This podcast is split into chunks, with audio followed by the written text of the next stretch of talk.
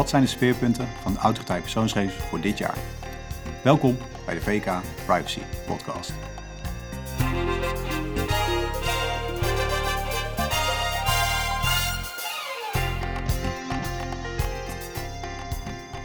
De autoriteit persoonsgegevens, onze toezichthouder op het gebied van privacy, die heeft de agenda kenbaar gemaakt voor, uh, voor dit jaar. Met daarin uh, de belangrijkste onderwerpen waar, uh, ze op gaan handhaven en waar ze ook duidelijkheid over zullen geven.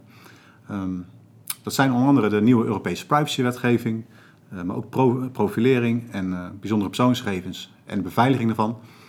Het gaat vandaag over hebben. Allereerst met uh, Radha Chantaprakash, privacy-expert bij VKA. Welkom in de uitzending. Dankjewel, Bas. Met jou wil ik het graag hebben over, over twee onderdelen, over, over twee speerpunten. Allereerst de Europese privacywetgeving en het andere punt waar ik met jou over hebben is bijzondere persoonsgegevens. Uh, later in de uitzending zal ik met uh, Doris Jan de Boom uh, praten over de, over de beveiliging van persoonsgegevens. maar nu eerst deze twee. Um, de privacywetgeving. Ja, er komt natuurlijk een Europese privacyverordening aan. Over, een, over één jaar nou, moeten, de, moeten bedrijven, organisaties er klaar voor zijn. Veel, veel verplichtingen, eerder ook over gehad in deze, deze of in de voorgaande podcast. Met jou wil ik het graag hebben over, um, allereerst over de verplichting van organisaties dat ze hun verwerkingen in kaart moeten brengen. Um, hoe zie jij dat voor je? Wat zijn, wat zijn tips voor organisaties om hier uh, aan te kunnen voldoen? En wat is het belang daarvan? Ja, nou, het, het belang daarvan, misschien zal ik daarmee beginnen. Ja. Dat is um, dat uh, organisaties in staat moeten zijn om uh, aan te tonen, aantoonbaar te maken dat zij uh, op uh, de gewenste manier uh, omgaan met persoonsgegevens. En met gewenst bedoel ik dan met de impact van de, de Europese verordening die je noemt. En ja, dat betekent praktisch dat het niet voldoende is om aan een toezichthouder te vertellen dat je daar aandacht aan mm -hmm. hebt besteed, ja. maar dat je het ook kunt laten zien. En dat betekent dat je dus um, in kaart wil gaan brengen, of moet gaan brengen zelfs, hoe je met persoonsgegevens omgaat. En praktische aandachtspunten daarbij zijn bijvoorbeeld dat je in staat moet kunnen zijn om um, uh, iemand uit te leggen wanneer je zijn persoonsgegevens hebt verwerkt, wat je ermee gedaan hebt, aan wie je ze verstrekt hebt en wanneer en met welke reden. Ja, en hoe je ze beveiligd hebt, maar dat komt later op, maar en ook ja. uh, inderdaad uh, bewaartermijnen en, en, dat soort dingen. Ja. Dus, dat, dus dat is een, eigenlijk een vrij concrete verplichting voor organisaties. Um, een andere die ik met jou wil benoemen, dat zijn uh, de rechten van betrokkenen. En die worden uitgebreid. Uh, onder andere het uh, recht om vergeten te worden is, is erbij gekomen. Hoe kan een organisatie daar nu goed op anticiperen? Dergelijke rechten van betrokkenen. Ja, je hoort inderdaad veel vallen um, het recht van vergetelheid. Mm -hmm. het komt erop neer dat het, een organisatie in staat moet zijn om gegevens te wissen.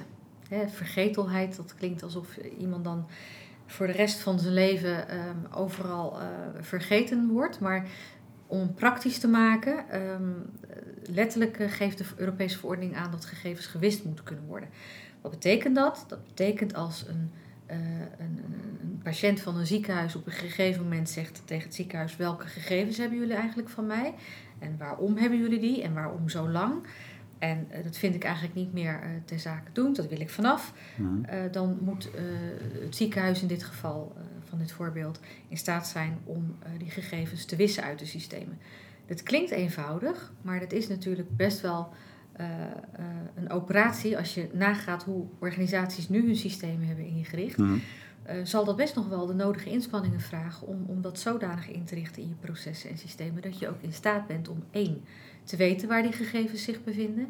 Twee, uh, met welk doel ze in het systeem zaten en hoe lang ze daar mogen blijven. Ja. En drie, hoe je ze überhaupt gewist krijgt. Ja. En dan niet alleen met een druk op de delete-knop, mm -hmm. maar ook uh, heb ik het over backups en dergelijke. Dus Ja. dit is best wel verstrekkend. Ja, het is op zich een uh, escape kan in sommige gevallen nog zijn voor organisaties dat het recht om vergeten uh, en niet een absoluut recht is. Hè. Er zijn altijd redenen waarom je dan niet hoeft te wissen. Ja. Um, maar ik kan me voorstellen dat het juist bij nieuwe applicaties die je die, die, die je gaat inzetten, dat het wel slim is om vooraf mee te denken van nou, hey, stel dat ik zo'n verzoek krijg uh, van, een, uh, van een klant of van een burger of van een patiënt, dat ik daarop kan anticiperen. Dus neem aan dat jij dan vindt dat privacy by design, hè, Ja, ook, ook verplichting naar AVG, maar daar kunnen we heel lang over hebben. ja. Eh, hierin ook een eh, aandachtspunt is voor bedrijven. Dus vanaf het begin ja. ehm, daarin privacy meenemen. Ehm, een derde punt, wat ik eh, met jou aanstip, is de verplichting voor organisaties om in sommige gevallen een, een PIA te moeten doen, een Privacy Impact Assessment. Ehm, hoe zie jij dat voor je bij organisaties? Wat, wat zijn eh, goede to-do's eh, voor hen in deze? Nou, je ziet inderdaad al dat steeds meer organisaties de vraag stellen over PIA's. Wat is dat nu en hoe, hoe doe ik dat en, en, en waar moet ik op letten? Ehm, een PIA, een, een privacy assessment, eh, komt er eigenlijk op neer dat je risico's gaat inventariseren. En wat is nou de hele gedachte hierachter? Dat je dat vooral op tijd doet. Ja. Dus niet achteraf als je je systeem hebt ingericht en je bent al begonnen met eh, eh, gegevens te vragen aan je klant of aan je burgers met een bepaald doel. Nee, de gedachte is juist om het vanaf het begin te doen. Ehm, dat betekent dat je in het begin al gaat nadenken door zo'n PIA uit te voeren, zo'n risicoanalyse. eh, te gaan kijken met wat voor gegevens je wil gaan werken in dat pro- werkproces. Het kan een nieuw proces zijn. Het kan zijn dat je met nieuwe technologieën gaat Mhm. werken in je organisatie. Het kan zijn dat je met grootschalig met persoonsgegevens gaat werken. Het kan bijvoorbeeld zijn dat je met bijzondere persoonsgegevens gaat werken, waar we zo nog op Ja. komen. Ehm, ja, en dan, dan is het wel de bedoeling dat je zo'n eh, risicoanalyse doet. Dus vooraf gaan nadenken over met welke persoonsgegevens ga ik werken, eh, met welk doel, wie mogen erbij, eh, welke Ja. autorisaties zet ik daarop, hoe richt ik mijn systemen in. En eigenlijk begint vanaf het moment eh, als je de, de, die risicoanalyse gedaan hebt, dan begint het pas. Hè? Ja, precies. Vaak denken bedrijven dat ze er dan zijn. Nee, dan, begint de- het pas. Ja, er komen acties uit. Ja, Wie gaat die acties opvolgen? Wie is ervan? Dus er zit ook een, eh, een governance eh, vraagstuk aan voor, Ja. de, voor de opvolging van PIA's. ja, Ehm, nou, we kunnen er heel lang over hebben, denk ik. Ook over andere eh, nieuwe verplichtingen van de Europese privacyverordening. Maar ehm, toch een beetje af te bakenen wil ik nu naar het tweede deel gaan. Het eh, tweede speerpunt eh, van de autoriteit persoonsgegevens. Namelijk eh, dat ze extra gaan toezien op eh, het verwerken van bijzondere persoonsgegevens. Het, eigenlijk het, het verbod op het eh, verwerken van bijzondere persoonsgegevens. Ehm, even voor de luisteraars, wat zijn bijzondere persoonsgegevens? nou, om, om het even af te zetten tegen waarom heet deze groep bijzondere persoonsgegevens. Je hebt ook de andersoortige persoonsgegevens, Ja. zeg maar. Bijvoorbeeld eh NAW-gegevens, naam, adres, woonplaats. Of een telefoonnummer in combinatie met een naam. Dat Mhm. zijn persoonsgegevens. Maar als we het hebben over bijzondere persoonsgegevens, dan hebben we het over gevoelige persoonsgegevens.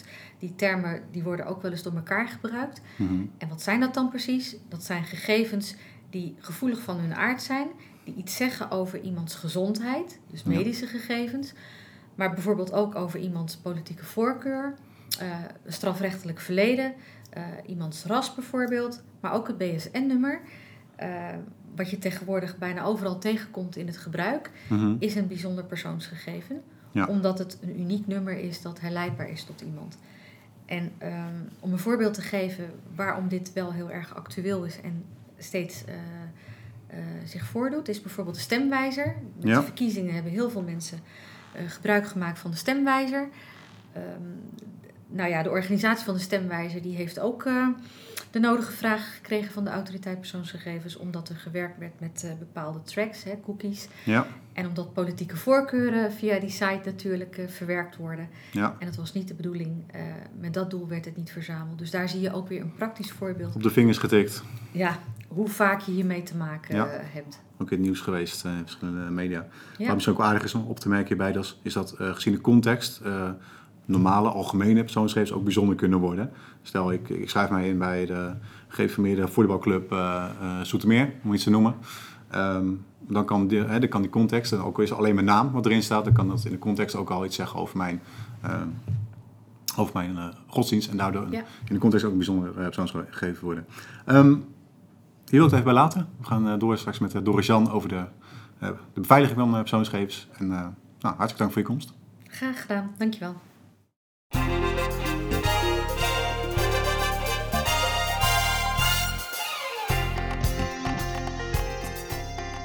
Zoals aangekondigd gaan we het nu hebben over de beveiliging van persoonsgegevens. Uh, bij mij in de studio, in de studio uh, Doris Jan Terboom, uh, privacy expert bij VKA. Welkom. Dank je. Om uh, meteen een koppeling te maken met de privacyverordening, waar we het zo net over hadden, wil ik je graag een mooie volzin uit die verordening voorleggen. Die luidt als volgt: dat passende technische en organisatorische maatregelen om een op risico afgestemd beveiligingsniveau te waarborgen. Wat Ja. wordt hiermee bedoeld? Ja, dat is inderdaad een hele mond vol. Ehm, ja, aan het begin van de, van de beschrijving eh, werd een onderscheid gemaakt tussen technische en organisatorische maatregelen. Ja. Dat is een, heel, dat is een belangrijk onderscheid. Ehm, wat daarmee bedoeld wordt, is dat aan de ene kant je ervoor moet zorgen dat je binnen je organisatie eh, de techniek op orde hebt. Eh, Ja. Dus dat je eh, ervoor zorgt dat niet iedereen bij alle gegevens kan. Dat, dat er een drempel opgeworpen wordt, ook voor bepaalde soorten gegevens die iemand niet direct binnen zijn werk nodig heeft. Dat scherm je ook af. Ja. Maar bijvoorbeeld ook dat de technische beveiliging niet achterhaald is. Dat je updates gedraaid hebt, dat je firewalls op orde zijn. Ehm, het hele technische deel, zeg maar. Oké. Ehm, daarnaast was organisatorisch eh, een belangrijk onderdeel van de beveiliging. En daar gaat het om dat eh, bepaalde processen die er zijn ingericht, dat die ook daadwerkelijk worden uitgevoerd bijvoorbeeld. Dat iemand die uit dienst gaat, dat maar ook daadwerkelijk zijn rechten wordt ontnomen. Eh, dat er bepaalde controles plaatsvinden of de beveiligingsmaatregelen die je hebt genomen, of die ook echt worden uitgevoerd. En uiteindelijk wil je gewoon een hele zogenaamde plan-do-check-act cyclus hebben ingericht. Ja, dat houdt in. Ehm, dat betekent dat je niet alleen nadenkt over wat je moet inrichten om het allemaal veilig te maken, maar ook eh, of het wordt nageleefd en of het na verloop van tijd niet aangescherpt moet worden, waardoor je opnieuw moet nadenken periodiek of het nog wel voldoet. En dat geldt natuurlijk ook voor die technische maatregelen, die eh, ja, een bepaalde houdbaarheidsdatum hebben Ja. en eh, ja, waar regelmatig gewoon actie op moet worden ondernomen. Nou, dat is nogal wat. Eh, ik kan me voorstellen dat er luisteraars zijn die denken van, nou, poeh, ehm, waar moet ik beginnen? Ja. Ehm, ja, waar moet ik beginnen? Eh, een ander onderdeel van eh, de definitie uit AVG, dat ging over de risicoanalyse. Mhm. Dat is waar je moet beginnen. Dus je moet gaan bepalen van welke persoonsgegevens verwerk ik precies. Zijn het gevoelige gegevens, hè, hebben we het net ook over gehad. De kroonjuwelen binnen je organisatie. Ja, maar ook eh, zijn hele gevoelige gegevens, bijvoorbeeld iemands politieke voorkeur of een medisch dossier. Dat is gevoeliger dan iemands telefoonnummer, bij wijze van spreken. Ja. Eh, dus je gaat kijken, wat, wel, welke gegevens leg ik vast in mijn organisatie. Eh, daarna ga je ook kijken wat je ermee doet. Ehm, het kan zijn dat je iets eh, vastlegt en dat toont aan mensen die dat nodig hebben, maar dat er verder niks mee kan gebeuren. Ja. Als er weinig mensen bij kunnen, dan is het ook eh, weinig risicovol. Eh, en is het een andere situatie als dat je een dossier openstelt waar mensen gegevens kunnen invullen, andere mensen kunnen wijzigen. Ja. En wat er daarna mee gebeurt, dus wat de gevolgen van de verwerking zijn, is ook nog van belang. Worden bijvoorbeeld op basis van die gegevens beslissingen genomen die heel veel impact hebben. Bijvoorbeeld, krijg ik een lening wel of niet? Dan heeft het meer impact als dat eh, je gegevens verwerkt ter info. Helder. Dan heb je de risico's in kaart gebracht. Eh, hoe dan verder? Ja, als je de risico's in kaart hebt, dan kun je op basis daarvan bepalen welk beveiligingsniveau daarbij passend is. Dus dan kom je weer terug bij de passende beveiliging, eh, vrij letterlijk. Ehm, en dat betekent dat wanneer je hele gevoelige gegevens verwerkt, dat je ook een wat hoger beveiligingsniveau moet handhaven dan als het heel bazaal is. Bijvoorbeeld beveiliging met een username wachtwoord is niet, is niet heel sterk, eh, maar op het moment dat de beveiligingseisen voor die gegevens ook niet heel hoog zijn, dan is het afdoende. Dus het passend. Ja, en eh, aan de andere kant, als je veel bijzondere persoonsgegevens hebt, als je bijvoorbeeld een medisch dossier hebt, dan wil je eigenlijk wat, wat zwaardere beveiliging, dan wil je niet dat anderen erbij kunnen. En dan zit je als vrij snel op tweeweg eh, factor authenticatie.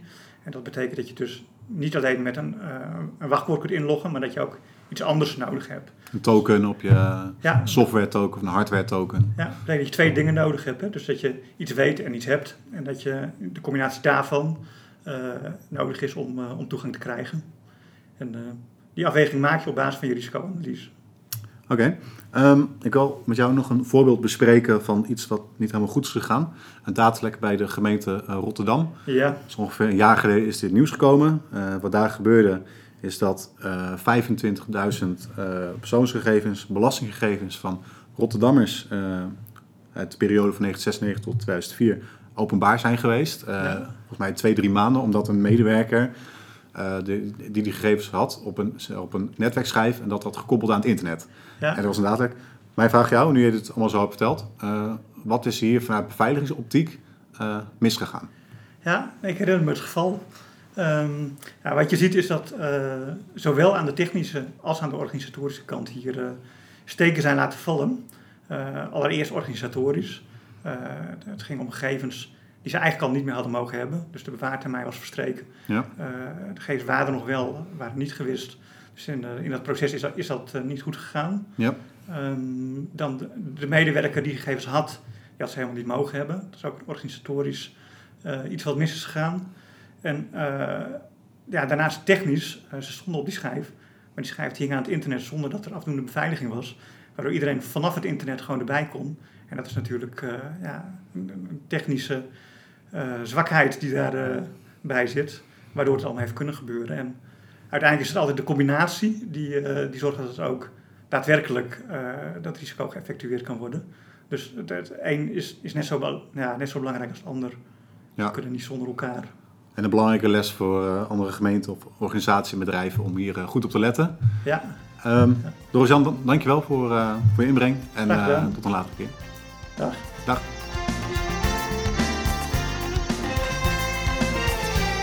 hiermee zijn we aan het einde gekomen van deze podcast. Dank u wel voor het luisteren. Als u wilt kunt u nog in onze show notes de agenda van de autoriteit persoonsgegevens raadplegen, pdf-bestand. En uh, we plaatsen een linkje naar het bericht over het uh, datalek bij de gemeente Rotterdam. Volgende maand zijn we er weer met nieuwe onderwerpen. Uh, mocht u iets willen aandragen, dat kan door een mail te sturen naar privacy.vk.nl. Dank u wel en tot ziens.